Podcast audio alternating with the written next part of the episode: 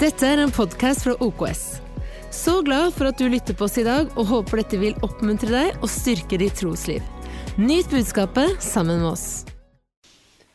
Hebrebrevet 4,12 skal jeg lese fra.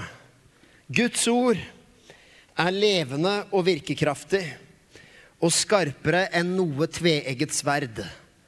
Det trenger igjennom til det kløver sjel og ånd, marg og bein, og dømmer hjertets tanker og planer. Det er dagens tekst. Overskriften er 'Hvilken marinade hviler hjertet ditt i'? Skjønner, jeg har, jeg har alltid, egentlig, så langt jeg kan huske nesten, alltid vært glad i å grille. Grillmat er aldri feil. Det, det fins ikke et mislykka grillmåltid.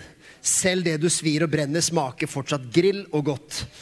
Um, så hvor mange, hvor, mange, hvor mange er det som aldri pakker grillen for vinteren overhodet? Den bare står hele året. Det er en del. Gud velsigne dere. Dette er, dette er de velsignede folk, Øyvind. Det er de du snakker om. De her. Vet, vet, Tage, du er ikke her nå, eller? Han, han er helårsgrillmann. Her, hvis det Hans Facebook-side er bare Det er grillmaten. Både mandag, tirsdag, onsdag, torsdag, fredag, lørdag, søndag. Uh, og jeg liker det. Men det var en åpenbaring i livet å forstå hva som er hemmeligheten til virkelig god grillmat, og det er jo selvsagt marinaden. Nemlig ikke, Da snakker jeg ikke om et eller annet du dæsjer på på slutten, liksom, sånn rett før du skal spise. Da snakker jeg om den marinaden som kjøttet får lov å hvile i. For der skjer det nemlig noe med kjøttet. Faktum er dette her at marinade, litt avhengig av type kjøtt og forskjellige omstendigheter, det trenger seg inn, og, inn i kjøttet med en hastighet på 1 cm i døgnet. Det vil si litt under en halv millimeter i timen. Det er derfor, hvis du marinerer kjøtt be, eh, Beklager vegetarianere, dette blir en tøff søndag, bare så du vet det. Dette her, Vi har så vidt begynt. eh, det beveger seg inn i kjøttet litt under en halv millimeter i timen. Så hvis du skal marinere, bør det ligge et par timer. Men det kan gjerne ligge et helt døgn.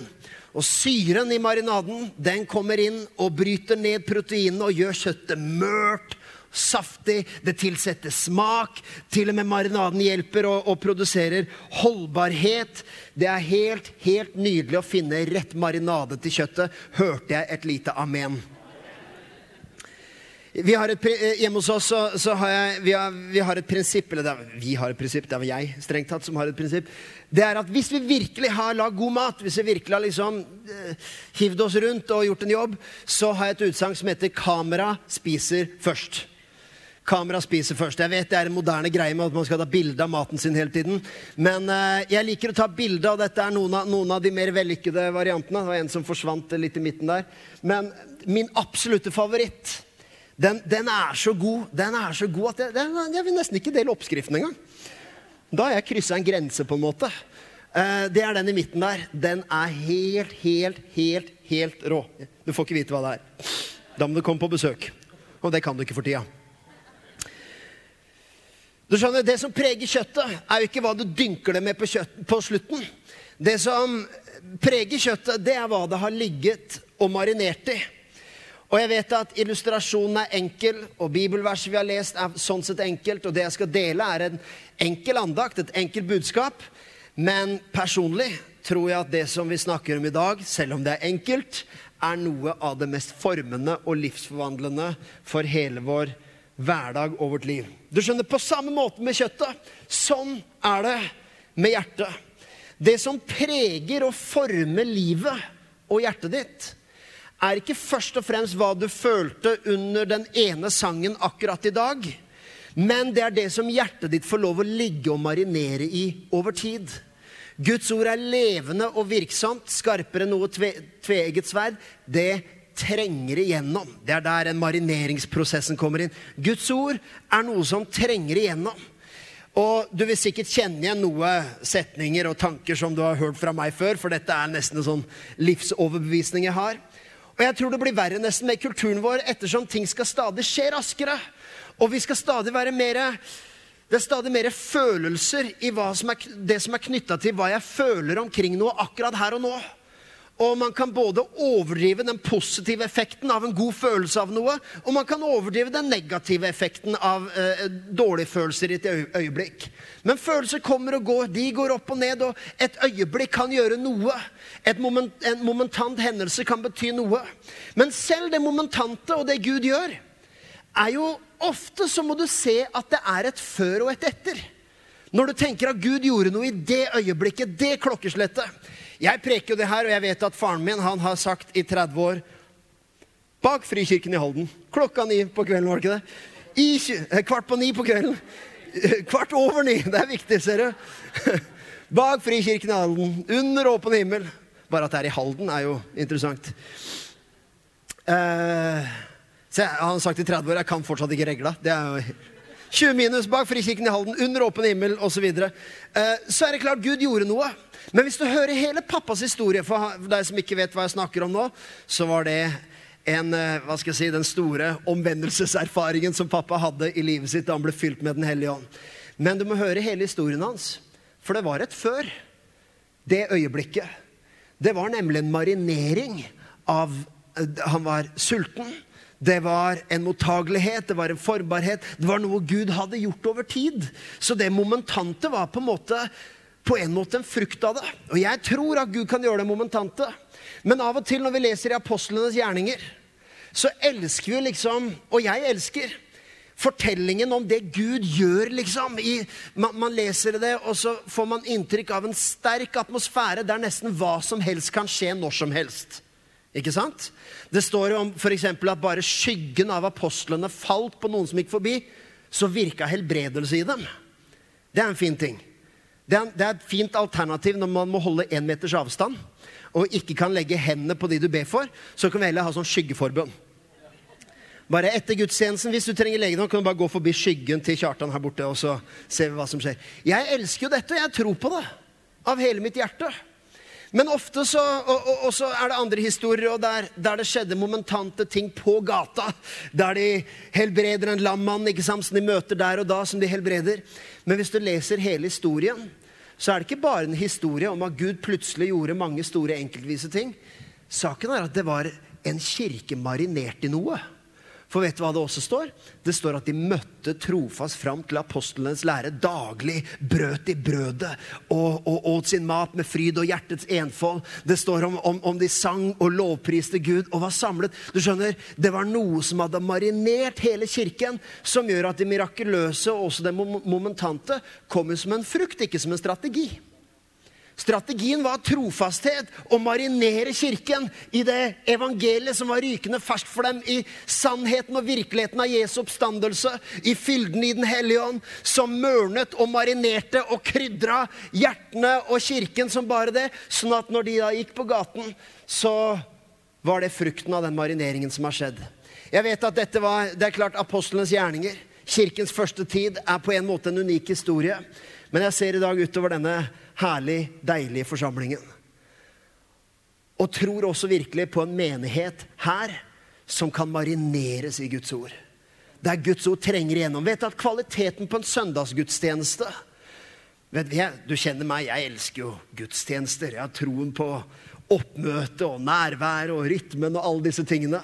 Må bare av og til passe på at ikke det blir sånn belærende greie. Gå på gudstjeneste, gjør den kristne plikt. Nei, men at vi heller forstår kraften i å ha en rytme i ting.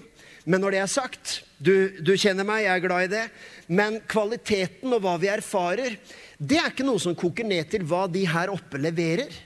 Hva lovsangsteamet gjør, og hvor bra prekenen er. Vet du at det Kirken er marinert av, preger våre søndager. Det du kommer med, hva hjertet ditt har blitt infiltrert av over tid. Det er derfor jeg tror virkelig at en mirakuløs hverdag i menighetslivet kommer ikke av at bare, hvis bare pastoren ber sterkt nok, og vi får noen med en sterk nok gave, og virkelig en som har en nådegave, da kan det skje ting.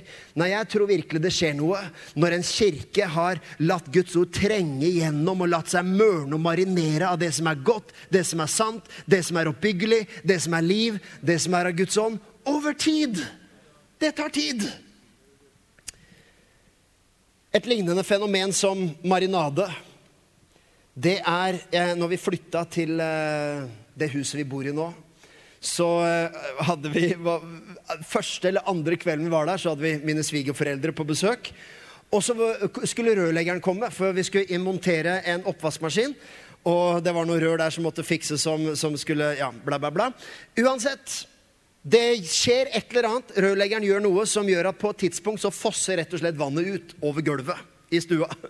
Og vi hadde bodd der i to dager, og jeg tenkte seg, så lenge varte det. Nå er hele greia vannskada, gitt. Um, så jeg, om, jeg ble litt sånn uh, urolig og snakka med rørleggeren, og han sa noe som sikkert er veldig opplagt for mange av dere som kan disse tingene. Men som likevel, måten han sa det på, bet jeg meg litt merke i. For han sa det at nei, dette går nok bra. Det skal, det skal litt til for at en enkelt lekkasje kan liksom skape permanent skade. Det som er skummelt, det er det vannet som står og renner og drypper hele tiden over tid. Det kommer til å ødelegge strukturer og bygninger. Og jeg tenkte, vet du hva? Sånn er det med mennesket. Det er ikke nødvendigvis et øyeblikks mørke. Et øyeblikks fall, en øyeblikks uhell, et øyeblikks frykt, en øyeblikks hendelse. Nei, det er det som får lov å renne og dryppe jevnt og støtt over tid, er det som former og farger hele menneskets vesen. Jeg snakka en gang, eh, hadde et budskap som het at din retning er viktigere enn din tilstand. Og det tror jeg av hele mitt hjerte. For noen ganger så blir vi litt blinde for retningen Gud har for oss. Fordi vi ser oss blinde på tilstanden vi er i. Den bortkomne sønn var fattig, naken, alene, sulten, ensom, isolert og forlatt. Men når han hadde kommet til seg selv, så var han likevel på vei hjem. Så tilstanden hans var elendig, men han var på vei hjem til fars hus. Mens eldstebroren hjemme, han var jo påkledd, mett, tak over hodet, rik, ressurssterk men hjertet hans var på vei bort fra fars hus. Jeg vil heller være i en dårlig tilstand på et område i livet, men ha en retning som er i retning av Guds hensikt, enn å være i en god tilstand og være blind for at hjertet mitt er på vei et annet sted. Du skjønner, vi driver ikke og rangerer folk eh, under noen omstendighet etter A eller B eller C-kristne. Men du verden så overfladiske menneskeheten er i å se etter hvor du er akkurat nå. Hva er din tilstand nå? Men jeg tror i alt også i lederskap og i fostring og i ungdomsarbeid og barnearbeid og på alle mulige måter. I klasserommene. Tenk så viktig. Tenk så tragisk når lærere kategoriserer en elev ut fra den tilstanden de ser akkurat nå. Hun er grei, og hun bråker. Han er god i matte, mens eh, det der er mye jobb med den personen. Han er konsentrert, han er ukonsentrert. Og Det er fort gjort. Vi gjør jo det også som voksne. Vi kategoriserer og plasserer i bås. Men tenk å være som Jesus! Og han bor i oss. Og vi forstår både våre egne liv, men også på vegne av andres liv. Og se, hvor er de på vei hen? Når Jesus så Sakkeus, så så alle de andre så tilstanden. Toller, kriminell, landsforræder. Det var det tollere var. Det var den tilstanden folk så. Men Jesus, han så Sakkeus og så en fremtidig filantrop, velgjører, sjenerøs person med et nytt lys i hjertet sitt. Jesus så retningen for Sakkeus i stedet for tilstanden. Jeg lurer på åssen du har kommet til kirken i dag, og hva slags tilstand du er i. Det som er nydelig, er at når Den hellige ånd er her, så kategoriserer ikke han deg etter tilstand, verken økonomisk, menneskelig, mentalt, åndelig, i forhold til hvor mange bibelvers du kan. Men det Den hellige ånd gjør med deg, er at han ønsker å marinere livet ditt i en ny retning. Og det er det vannet som renner og drypper over tid. Det farger oss og former oss permanent. Det skjer både aktivt og passivt på en måte med Guds ord. Vi leser at Guds ord er levende og virksomt. Ordet 'virksomt' er energes. Det betyr at det er effektivt, det er produktivt, og det gjør det som det er konstruert for. Og Guds ord er konstruert for å transformere, forvandle, gi krydder og smak og mørne hjertet, sånn at du kan leve og utgjøre forskjell i dette livet.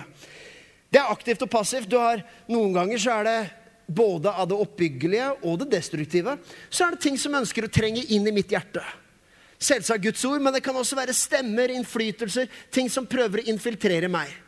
Så fins det andre ting som jeg ønsker, som jeg lener hjertet, hjertet mitt inn mot.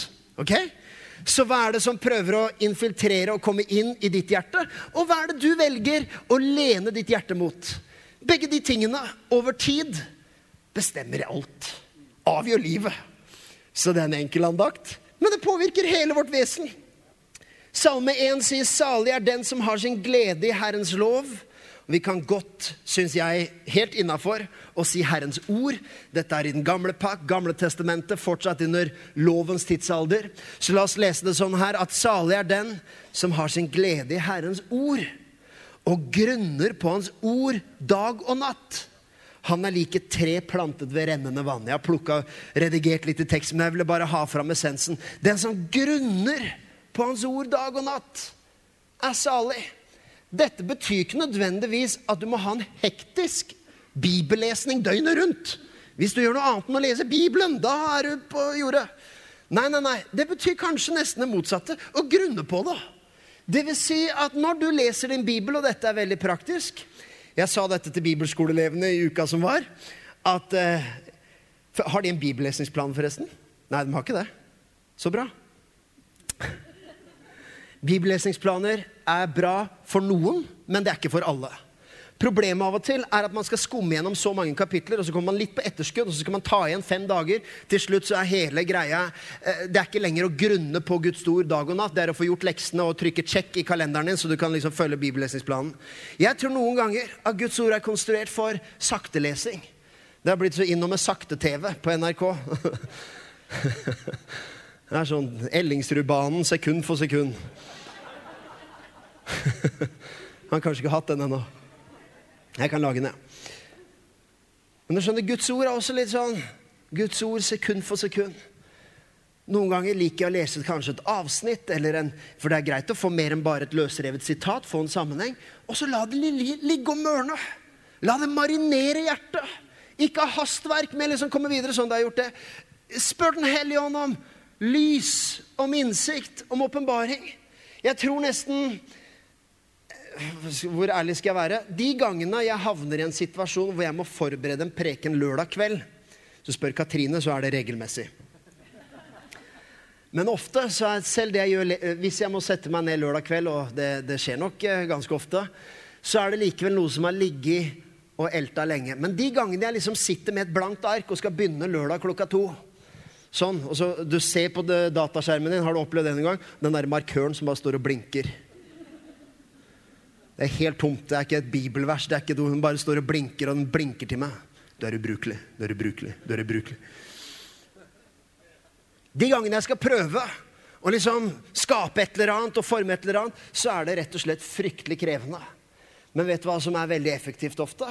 Det er når noe får ligge og mørne. Og jeg vet at Du kan si jo, men dette er bare psykologiske mekanismer. Ja, men de er åndelige, de òg. Alt er åndelig. Dette snakket vi om for to uker siden. Ånd, sjel og kropp. Gud bruker alt. Så det er, noe, det, er mer, det er ikke noe metafysisk. Nei, det er sånn ditt sinn funker. Det er sånn psykologien vår funker. Det er sånn vår ånd funker. Så Guds ord er levende og virksomt, og det ønsker å mørne og marinere og trenge igjennom. Vet du hva? Det er et fantastisk håp i det, og en bitte liten advarsel. La meg si noe om begge deler. Tre raske. Nummer én hjertet er formbart. Hjertet er formbart. Det er et eksperiment. Jeg vet ikke om noen av skolelærerne her har prøvd dette. Men hvis du tar bladkål oppi et glass med vann og konditorfarge så er det sånn at etter noen timer så går den fargen inn i hele bladet. Er det noen skolelærere som har prøvd det her? ja, det er det. Funka det? Ja, så bra. Herlig. Da har jeg ikke ljuget i dag heller.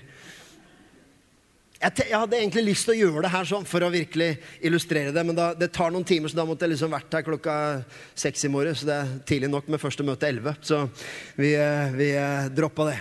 Men det er faktum at hvis du legger det oppi, så farger det etter hvert hele bladet. Og det er et interessant eksperiment. Men det er akkurat det samme som skjer med hjertet. Det som vi dypper i, ikke nødvendigvis en ting vi sier, en ting, en hendelse, en enkel sak, men det som vi begynner å dyppe hjertet i over tid, det farger faktisk hele vårt vesen på godt og potensielt på vondt. Det er en, en veldig spennende, synes jeg, men også litt trist karakterstudie i Bibelen, er kong Saul konge i Israel. Han var den som kom forløperen til kong David. Um, og når Saul blir utpekt av profeten Samuel som den neste kongen i Israel, så responderer han med Du kan lese det sjøl. Dette er sånn han responderer. Første Samuels bok 921. Saul svarte, men er ikke jeg bare en benjamitt for en av de minste stammene i Israel? Og er ikke min slekt den minst betydningsfulle av slektene i Benjaminstammen? Hvorfor snakker du da slik til meg? For Samuel hadde liksom boosta selvtilliten hans.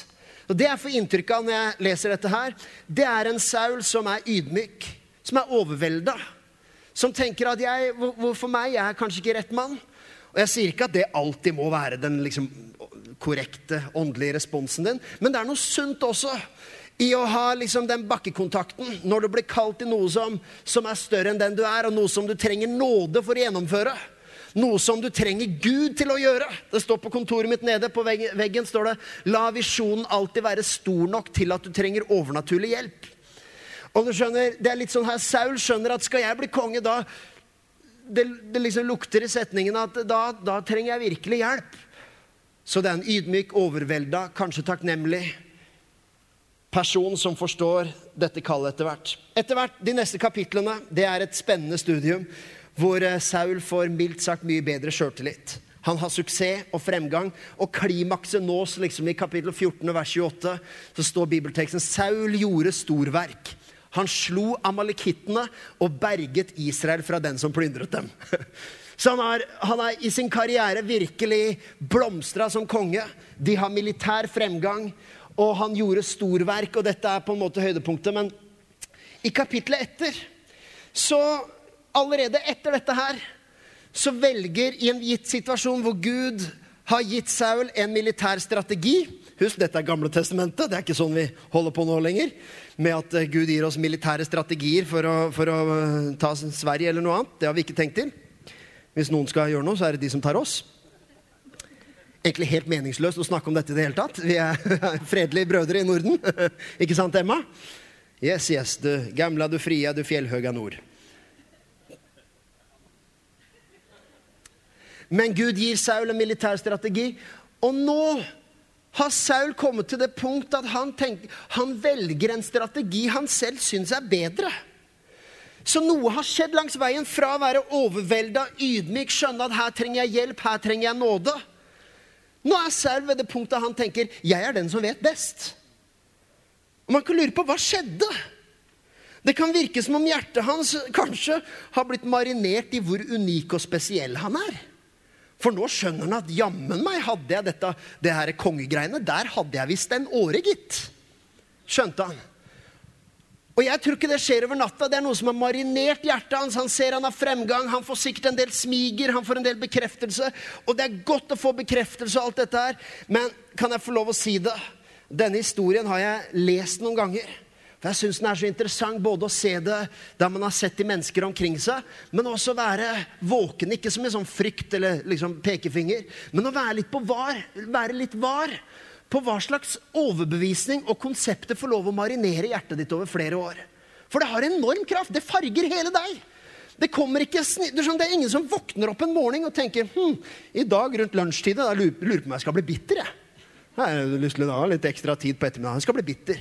Det er ingen, som bestemmer, ingen har noen gang bestemt seg for å bli bitter. Det er en tanke som kanskje til og med begynte noenlunde ufarlig, som setter seg, og som får marinere, og så kommer bekreftelsen av urettferdig behandling, og så kommer bekreftelsen av litt sinne, så hører man andre som har opplevd det samme. Til slutt så bare marineres anklagen, anklagen og så marineres sinnet, og så marineres offerfølelsen, og så marineres dette. Til slutt så er man der.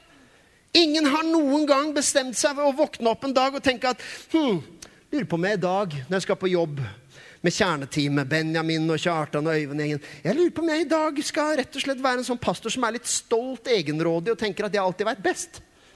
Tenker jeg gjør det i dag, jeg. Nei, det er ingen som har bestemt seg for det noen gang. Likevel kan man ende der. Utrolig nok. Jeg vet at du skal få en oppbyggelig preke, men jeg tenker dette er oppbyggelig å være klar over. For det som skjer med Saul, er at han må åpenbart ha marinert på en måte overbevisningen om sin unike posisjon. Og han er så spesiell og unik at ingen kan noen gang korrigere han eller veilede han. Ikke fortell meg hva jeg skal gjøre. Mamma har sagt at jeg er et unikt snøfnugg, og jeg er konge og fortjener det. Du skjønner, jeg kan kjenne igjen liksom fra når vi ble kalt til den rollen og den oppgaven som vi har i OKS i dag. Så skal jeg ikke legge skjul på at lenge før vi sa ja, så var det overveldende. jeg innså selvfølgelig fra dag én her trenger vi nåde. Her trenger vi hjelp. Vi trenger både hjelp fra Gud, men vi trenger også gode mennesker og alt dette.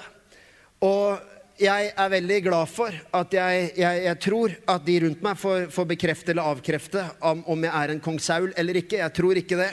Men man kan likevel kjenne igjen prosessen. Når ting skjer, og du har momentum og fremgang, og ting lykkes, og så har du folk som applauderer og bekrefter deg, og så har du dager hvor det, hvor det liksom føles som om alt sklir bra. Det skjedde, var i oktober for fire år siden en gang. opplevde jeg det sånn. Nei, men, men du, skjønner, du, skjønner, hva jeg mener? Med at du, du, erfarer det. Og til slutt så begynner du plutselig å jammen meg. Ja, jammen meg hadde jeg en greie på dette her, gitt. Bør bli bok snart nå. Må skrive om dette her. Fortelle folk. Og så nesten kommer det snikende. Til slutt så står du der og tenker at du vet bedre enn noen.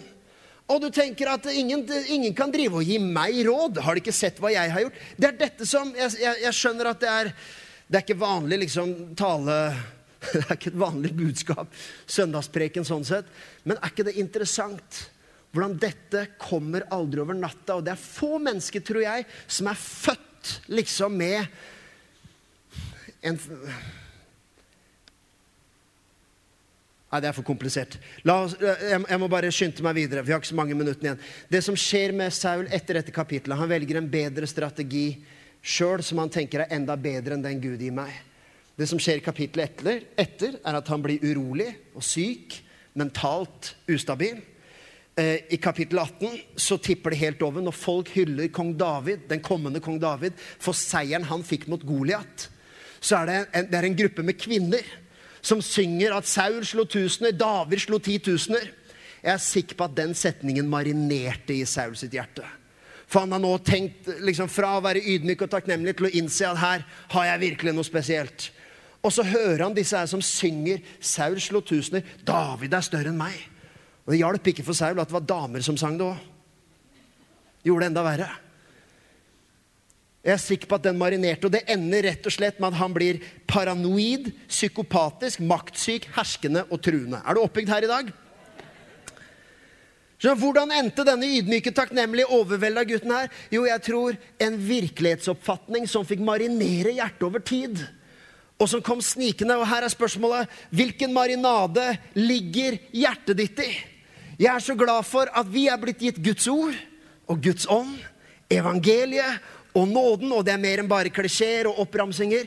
Jeg tror at det kan farge et helt samfunn og en hel kirke når vi har hjerter som marineres. Det som får dryppe og renne daglig.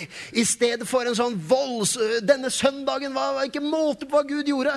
Vel, tenk hva Gud gjør når du har ett minutt daglig der hjertet bare er vidåpent for at Den hellige ånd kan snakke til deg. Ta imot profetiske ord. Jeg tror av hele mitt hjerte at måten det skjer et skille i by, i samfunnet, kirker, er ikke bare ved at en pastor har en sterk nok gave, eller en pastor har en helbredelsesgave, eller vi bestemte oss for at denne søndagen skal vi ha et gjennombrudd. Jeg tror gjennombruddet kommer når man marinerer noe lenge nok. Så trenger Guds ord seg gjennom, og til slutt så er det uunngåelig at det skjer under og tegn og helbredelser. Det er uunngåelig at det også skjer transformasjon i personligheter og i tankemåte og i konflikter og i, i familier og i ekteskap osv. Jeg snakker om det som skjer langsomt. Den klokka der skulle jeg ønske gikk langsommere, men det gjør den ikke. Det du over tid fester blikket på, har så enorm makt over livet. Et veldig praktisk eksempel. Du vet, det var det i går. Det var halloweenfeiring. Noen som kledde seg ut her? Tore, hadde du på deg gresskar? Eller, nei, hadde ikke det. Neste år. Men eh, det fins en del kristne som når det kommer til halloweenfeiring, som lurer på er det farlig, er det, er det noe okkult over det, er det noe demonisk over det, og som kanskje er skeptisk til å gjennomføre det. Og det har jeg respekt for. den, ok samtale å ha sånn sett. Men samtidig så, så er det en ting som jeg, som jeg tror vi vi legger fokuset feil. For det kan godt være at det fins elementer av det som, uh, som, kan bli too much. Men helt ærlig, helt ærlig, ass, sjamener. Lover deg, ass. Jeg tror at det at kidsa kler seg ut som zombier en gang i året, det går bra. Vet du hva jeg er mer redd for? Det er de uskyldige TV-seriene som mater det med intriger, drama, konflikt, ekstrem selvopptatthet og egoisme. Greier og frem og tilbake. Og se på de greiene timevis hver uke over et år. Og Vi har ikke forbudt barna våre å se på sånne ting, men hvis det er noe jeg er bevisst på og var på og følger med på, og, og i den grad jeg er bekymra for noe, så er det det greiene der. Jeg er ikke bekymra for om de kler seg ut som, en, som djevelen med høygaffel en gang i året. Det er ikke sånn han ser ut engang. Tenk, hvem var det som kom opp med den ideen? Han skal tegne djevelen, så ser han ut som en bonde. Det er til ettertanke på mange nivåer. Nei, det, det, jeg, jeg, det er ikke noe jeg er rettferdig Stemmer det? Det bør jeg kanskje ikke si. Nei, det var bare, var bare en, en, en, gutt fra ikke-kristen familie som en av våre barn hadde med seg på søndagsskolen på høstfest. Som det er vårt alternativ til halloween. Eh, og han kledde seg ut som djevelen, gjorde han ikke det? Kom på søndagsskolen som 'Hello, here's Satan'! Liksom, ja, vel, hjertelig velkommen til kirke. Ja, Førstegangsbesøker, så han fikk sikkert sånn gavekort og vaffel eller et eller annet. Det er den ene gangen vi i OKS har gitt djevelen et velkomstkort ved inngangen. Det er sterkt. Men vet du hva? Det går bra. Jeg synes det, det som jeg liker også med OKS bare for jeg, Beklager hvis jeg blir for intern, men jeg liker da at det står ingen der da i døra og Jaså, hva er dette for noe? Det antrekket der må ut hvis du skal være på denne søndagsskolen. Men han blir tatt imot, så langt jeg har forstått, med åpne armer og forståelse. Ingen lar seg stresse av det. Um, men du skjønner, illustrasjonen her er at uh, jeg, er ikke, jeg, er ikke, så liksom urolig over et kortsiktig mørke verken i barnas liv eller i mitt eget liv, da er jeg mye mer obs på en langvarig sjelisk avslipning. Jeg er mye mer obs på de tingene som ikke kommer så åpenbart. For er det noe jeg har lært om det ondes hensikter og strategier, så er det at det kommer som regel ikke med et stort advarselskilt og horn i panna. Det kommer snikende strategisk og renner og drypper på hjertet over tid, som til slutt former hjertet til den fargen eller til en annen tilstand enn det som det var ment. Og det samme gjelder familiene og barna. Derfor tror jeg at det beste er at Guds ord og Guds ånd er den marinaden vi kan legge hjertene våre i og sinnene våre i. Vet, det er litt sånn med sam Ja, vi kan gjerne gi litt uh, klapp til Gud. Det er sånn med samvittigheten vår. Den må, den må kalibreres med Guds ord. Vi snakka om her om dagen om at samvittigheten den er litt som en røykvarsler. For konteksten er 1. Timoteus 4,2 så snakker Paulus Det er litt vanskelig vers, men han snakker i 1. Timoteus 4,2 om de som har brennemerket sin samvittighet. Det betyr bokstavelig talt svidd av sin samvittighet. Noen ganger har jeg lurt litt på hva det verset der betyr. Men saken er det i forhold til det vi snakker om i dag. Hva er det som marinerer hjertet? Du skjønner, Samvittigheten den er ikke helt ubrukelig. Styrer jeg fælt med den vannflaska, gitt? Samvittigheten er ikke ubrukelig, men den er, den er ikke helt pålitelig heller. Du skjønner, En røykvarsler Jeg vet ikke om du har hatt sånn røykvarsler hjemme. Noen er så oversensitive at de går av bare du steiker bacon. Jeg sa det skulle bli en tøff dag for vegetarianere her. Kanskje du steiker masse bacon. Kanskje ganske mye, så fettet fra grisen pipler opp i panna. Det blir litt ekstra røyk. Og det er svidd gris som kommer opp av steikepanna. Så har du røykvarslere som går av med en gang. Har knapt liksom begynt på maten. Så er det andre røykvarslere som enten det pga. dårlig batteri eller kalibreringen gjør at uh, hele nabolaget er brent ned før den begynner å pipe. Ikke sant? Og Sånn er samvittigheten. Noen har en, har en, oversensitiv samvittighet som gjør at den minste ting gjør at den alarmen går av, og du, du føler at nå, nå, gjorde jeg noe galt og sa jeg noe feil, og nå føler jeg meg feil.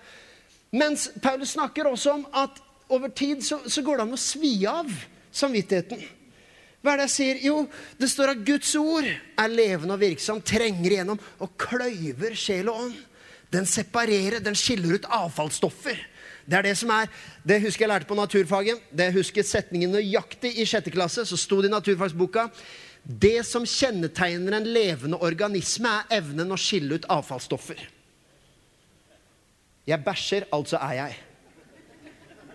Du har sikkert hørt den latinske varianten 'cogito ergo sum'. Jeg tenker, altså er jeg. Nei, nei, det, det, Kjennetegnet på en levende organisme er evnen å skille ut avfallsstoffer. Sto i naturfagsboka. Jeg ser du ble berørt. Men det er det Guds ord også gjør. Ikke på en sånn måte at Guds ord skal peke på masse som er galt, og så skal han liksom løfte fram masse synd. Nei, det står egentlig dette skjer organisk. Det skjer av seg sjøl. Kroppen skiller ut avfallsstoffer på egen hånd gjennom de organene og måten kroppen virker på. Guds ord gjør det samme. Så den stiller liksom ikke opp. Se her, Geir, her er alle syndene du har gjort denne uka. Nei, når hjertet ditt bader og marineres i Guds ord, så er det sånn at det er ordet som kløyver ånd og sjel og skiller ut avfallet og sørger for at du legger av deg de tingene. Og samvittigheten over tid kalibreres med Guds ord. Det jeg, la merke til når jeg sier dette her, da, om at uh, noen har oversensitiv, oversensitive røykvarsler og samvittighet Andre har, som Paulus snakker om, over tid brennemerket sin samvittighet. Har du merket det, eller er det bare meg?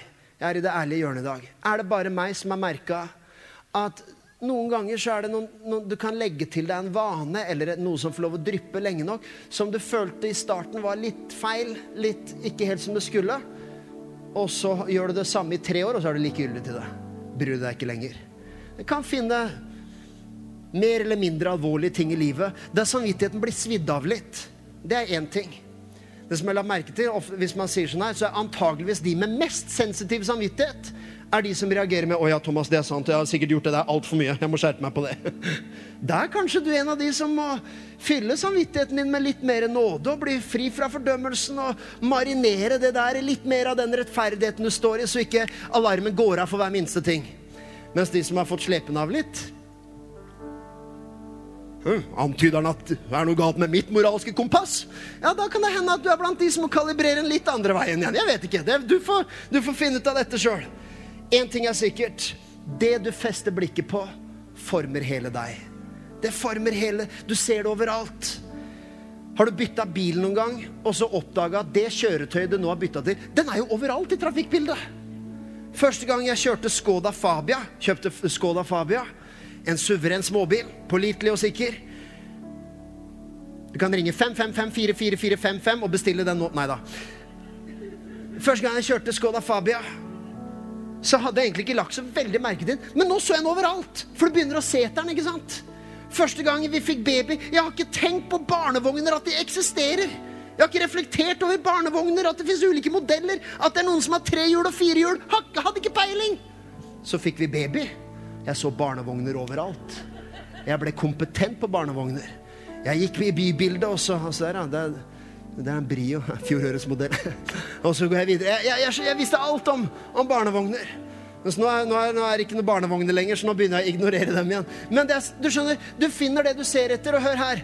Hvis du ser etter avvisning i dag, så finner du det. Hvis du ser etter bekreftelse på urettferdig behandling, så får du det.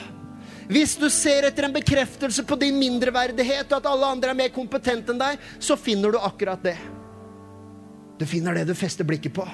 Det er derfor, folkens, vi fester blikket på Jesus Kristus, troens opphavsmann og fullender. La hjertet marineres i en rett rettferdighet, men også i en god dømmekraft og en innsikt og en forståelse av ting og tang. Det som er hele hemmeligheten med marinade, nå lukker jeg den her, det er at den må jo treffe et eller annet. Ikke sant? Det, du, du, kan jo ha marinaden i kjøleskapet, og så har du kjøttet i et annet kjøleskap. Og så kommer tida du skal grille, og så griller du kjøttet, og så lå marinaden i kjøleskapet. Det er jo marinaden. Den er jo sånn Den kan være god på egen hånd. Amen. Amen. Skal man Passer det egentlig å si amen der? De gjør vel strengt tatt ikke det. Men det som gjør at eh, altså marinade kan ha en god smak. Du kan ta en teskje, og så har den liksom litt duft og aroma. Noen ganger kan du bruke den som saus. Men det som virkelig er marinadens funksjon, det er når den treffer kjøttet og får ligge der. Vet du at sånn er det med Guds ord. Det er fint å lese et bibelvers, det er fint å ha si, åndelige opplevelser, men ofte så er vår åndelighet, som vi snakket om for to uker siden, er liksom lukka inn i et eget rom. Her er min bønn og min lovsang og min bibellesning. Så går jeg ut igjen i hverdagslivet, og det er liksom en helt annen sfære. Det er en nødvendig onde som jobb og økonomi og forvaltning og relasjoner og alt det. Nei, du lever for det første et helt liv, Kristus. Og det er det som er med marinaden i Guds ord. Det er først når den treffer noe i hverdagen, at Guds ord har noe Når det står at Guds ord er levende og virksom og trenger igjennom, hva er det den skal trenge igjennom? Jo, det er jo nettopp når Guds ord møter en virkelighet. Det er nettopp når Guds ord får marinere ditt tungsinn. Hvis du bærer på tungsinn, for ikke å si depresjon, så er jo marinaden i Guds ord er jo nettopp at den møter ditt tungsinn og får fòre deg med forståelsen av at gleden i Herren er din styrke. At du kan glede deg uansett omstendigheter. At du har ikke glede pga. omstendigheter, men på tross av omstendigheter. At gleden din er i Jesus Kristus. Men det er kanskje ikke alltid gjort i et øyeblikk om en forbønn og Jesu navn, så er du glad igjen. Men det er at Guds ord får trenge gjennom ditt tungsinn, og til slutt har det brytet ned alle proteinene, og du har farget hele ditt vesen og ditt indre med en ny type glede. Det er når du bærer på uro og bekymring at Guds ord, som har en fred som overgår all forstand, han er vår fred, og han er vår trygghet, og han er vår sikkerhet. Når det får marinere hjertet over tid, så er det nettopp at det treffer din uro. Det er der hvor ordet treffer hverdag. Der virker Guds ord, er levende og virksom. Det er derfor søndagsgudstjeneste er ikke en isolert hendelse i denne uka. Dette er bare Vi ser litt på ingrediensene, vi marinerer litt sammen. Vi er litt på kjøkkenet sammen. Vi lovsynger, vi ser litt på hva vi har.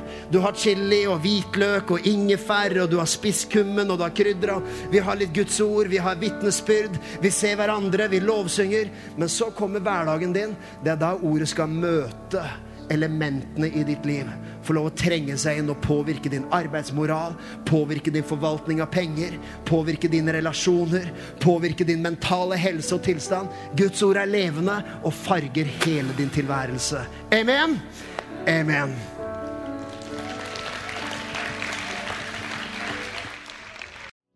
Takk for at du tok deg tid til å lytte på en av våre podcaster fra OKS.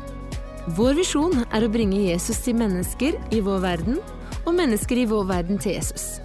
Følg oss ellers på vår YouTube-kanal og sosiale medier. Du er velkommen til å besøke en av våre kirker.